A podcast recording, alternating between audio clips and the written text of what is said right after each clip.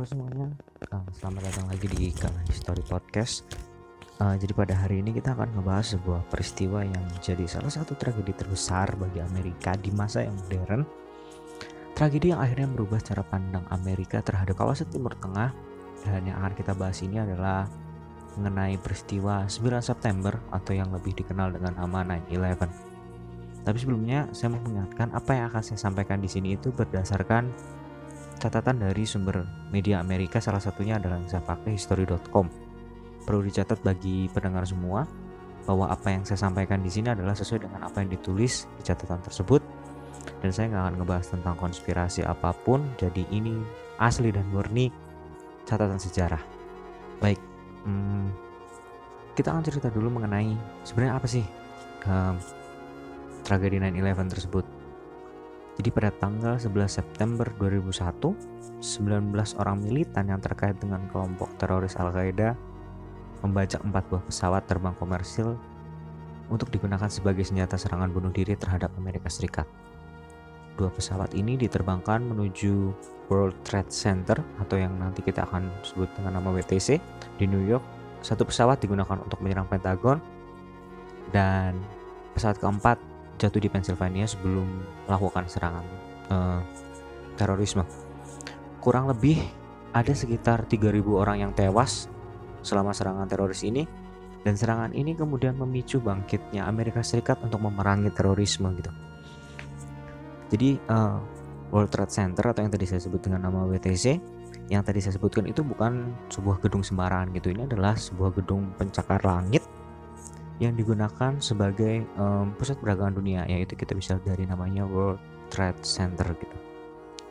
Jadi gedung BTC ini punya tinggi 417 meter dan di bagian menara yang utaranya itu ada kabel uh, ada antena telekomunikasi yang tingginya itu um, 360 kaki yang atau kalau kita konversikan ke meter itu sekitar 109 meter gitulah jadi memang tambah tinggi jadi hampir 500an meteran itu uh, menaranya udah sama antenanya itu tadi. Terus uh, gedung ini itu punya kapasitas gedung ini punya kemampuan uh, kapasitas untuk menampung 50.000 pekerja dari masing-masing gedung tersebut. Dan um, mereka gedung-gedung uh, ini biasanya akan kedatangan sekitar 200.000 orang tamu per hari gitu. Ya yang itu entah hmm, tukang pos entah itu juga kurir entah itu pengantar atau tamu dari yang lain karena memang gedung ini itu dikhususkan memang untuk kegiatan perekonomian gitu. Dan nggak cuma itu gedung ini itu terdiri dari um, kalau gedung yang sebelah utara itu 107 lantai gedung yang sebagian selatan itu 106 lantai. Nah yang istimewa di gedung utara ini di lantai ke 107 nya itu itu ada restoran. Jadi memang gedung ini tuh memang gedung yang sangat mewah gitu dan gedung yang paling berpengaruh di Amerika. Makanya uh, waktu semua orang lagi ada di dalam terse uh, gedung tersebut karena kejadian ini itu sekitar pukul 8 sampai pukul 9 itu memang orang-orang di sini itu sedang memang lagi dalam aktivitas-aktivitas yang memang sedang dalam sibuk-sibuknya. Jadi waktu orang-orang yang lagi sibuk ini bekerja melihat ada pesawat yang nukik ke arah gedung mereka itu mereka cuma bisa memandang dengan horor ya karena mereka memang nggak bisa lari ke mana-mana. Jadi sampai akhirnya waktu Boeing 767 itu menuk dan menghantam lantai 80 dari gedung WTC bagian utara ya sudah. Tabrakan ini nggak cuma menghancurkan tapi juga membuat ratusan nyawa melayang seketika dan ratusan lainnya harus terjebak di gedung tinggi. Dan yang perlahan ini mulai rubuh gitu. Dan horornya itu belum selesai sampai di sini sebab 18 menit kemudian Pesawat yang kedua dengan tipe yang sama Boeing 767 menghantam menara selatan di lantai 60. Ledakan ini begitu besar sampai akhirnya harus meninggalkan sebuah lubang besar menganga dan menyebabkan material-material um, gedung ini runtuh dan berjatuhan ke bawah.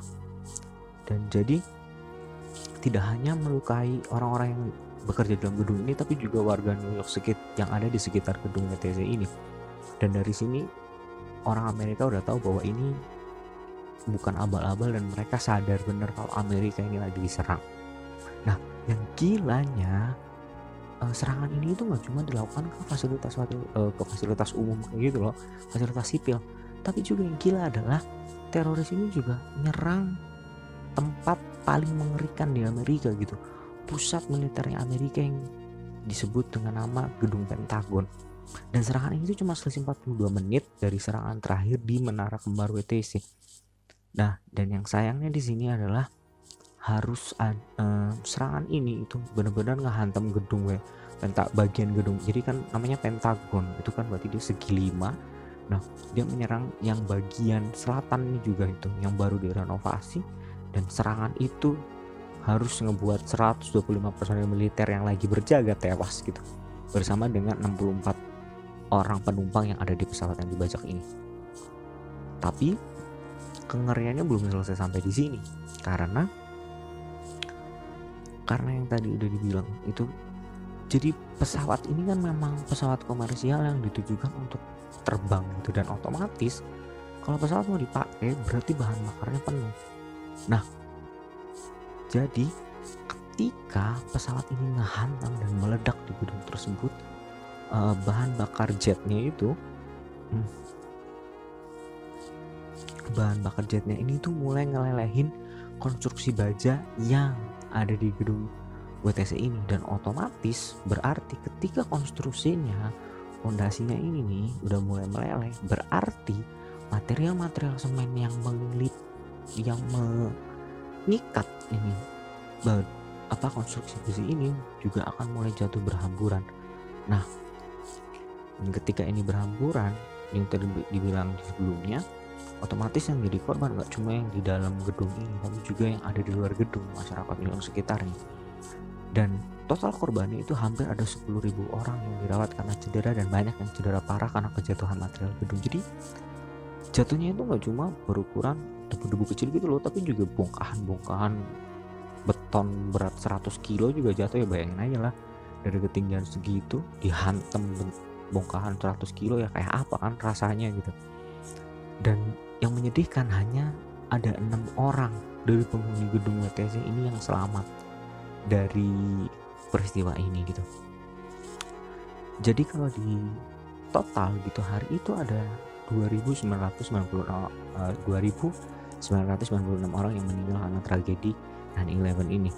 Di WTC ada 2763 orang yang meninggal dan angka ini termasuk 343 petugas kebakaran, para medis, 23 polisi di New York dan juga 37 petugas polisi yang ikut berusaha gitu loh untuk mengevakuasi para penghuni gedung yang masih terjebak gitu. Dan itu menyedihkan sih karena dan di Pentagon itu totalnya ada 189 itu tadi uh, termasuk sama penumpang pesawat sama personel militer juga yang lagi berjaga.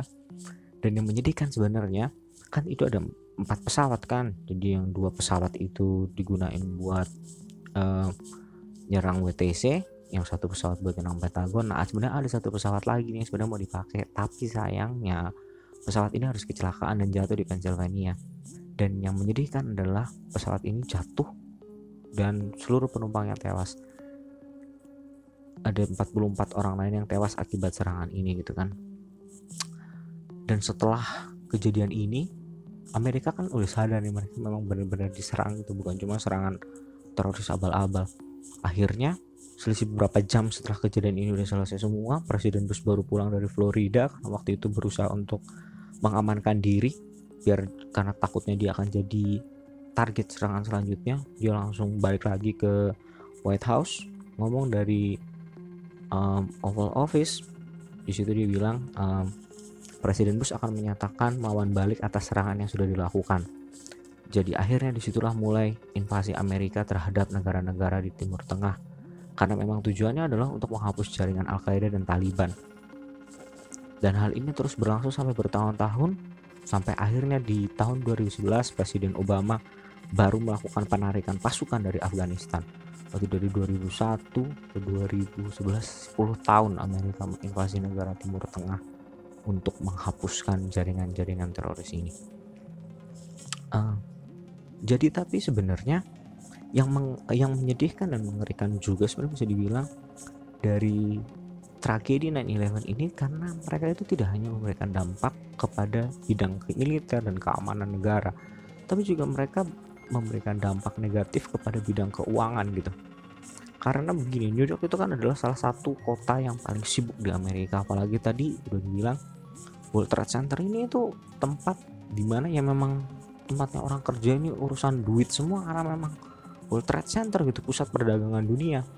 Jadi karena diserangnya gedung ini banyak lembaga pasar saham yang salah satunya itu New York Stock Exchange yang harus dievakuasi. Jadi pada hari pertama nih setelah serangan 9/11 ini, eh setelah tragedi 9/11, nilai saham itu jatuh ke uh, poin 684 atau 7,1 persen dan tidak hanya di uh, tidak hanya menemukan efek negatif di pasar saham tapi juga pihak maskapai penerbangan itu merugi sekitar 60% akibat kejadian ini.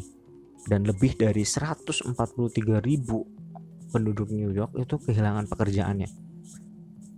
Perkiraan biaya kerusakan di WTC itu gedung WTC nya ini itu sekitar 60 miliar dolar atau kalau dikurskan ke rupiah sekarang itu adalah jangan kaget ya 911 triliun 100 miliar rupiah. Dan biaya pembersihan ground zero ground zero itu adalah titik di mana serangan itu terjadi yaitu di tempat di mana bekas uh, eh, WTC itu uh, gedung WTC itu sendiri berdiri. Itu biaya pembersihannya itu cuma buat ngebersihin uh, nggak cuma sih ya karena memang banyak banget kan bayangin gedung 500 meter gitu ambruk jadi debu itu seberapa banyak kan yang harus dibersihkan. Itu biaya pembersihannya itu 750 juta dolar. Atau kalau dikurskan ke rupiah itu 11 triliun 388 miliar 700 juta rupiah. Dan itu memang dana yang sangat besar gitu untuk digelontorkan untuk pembersihan itu. Karena memang nggak mungkin juga kan bekas debu-debu itu dibiarkan begitu saja. Pembersihan harus dilakukan evakuasi harus dilakukan terhadap korban-korban yang masih terjebak di bekas puing-puing gedung tersebut. Um, tapi paling enggak gitu um, setelah kejadian ini dilakukan juga dana kompensasi korban gitu. Apalagi um, karena ini penting gitu kan perlulah ada biaya kompensasi ini. Sebenarnya langsung diberikan oleh pemerintah dan bukan termasuk sama asuransi kesehatan yang dipunyai sama orang-orang tersebut gitu. Jadi uh, biaya kompensasi ini itu diberikan karena ternyata setelah serangan WTC ini selesai gitu setelah uh, waktu tahun 2018 itu dilakukan cek gitu kan. Karena mereka kena ke, karena mereka terpapar sama asap beracun dan partikel yang berasal dari gedung ini itu ada 10.000 orang yang didiagnosis kena kanker akibat tragedi ini. Jadi tak jadi dari tahun 2001 sampai 2004 itu dana yang digelontorkan oleh pemerintah sebagai biaya kompensasi itu mencapai angka 7 miliar dolar diberikan kepada keluarga korban dan juga 2.680 orang yang terluka dalam serangan.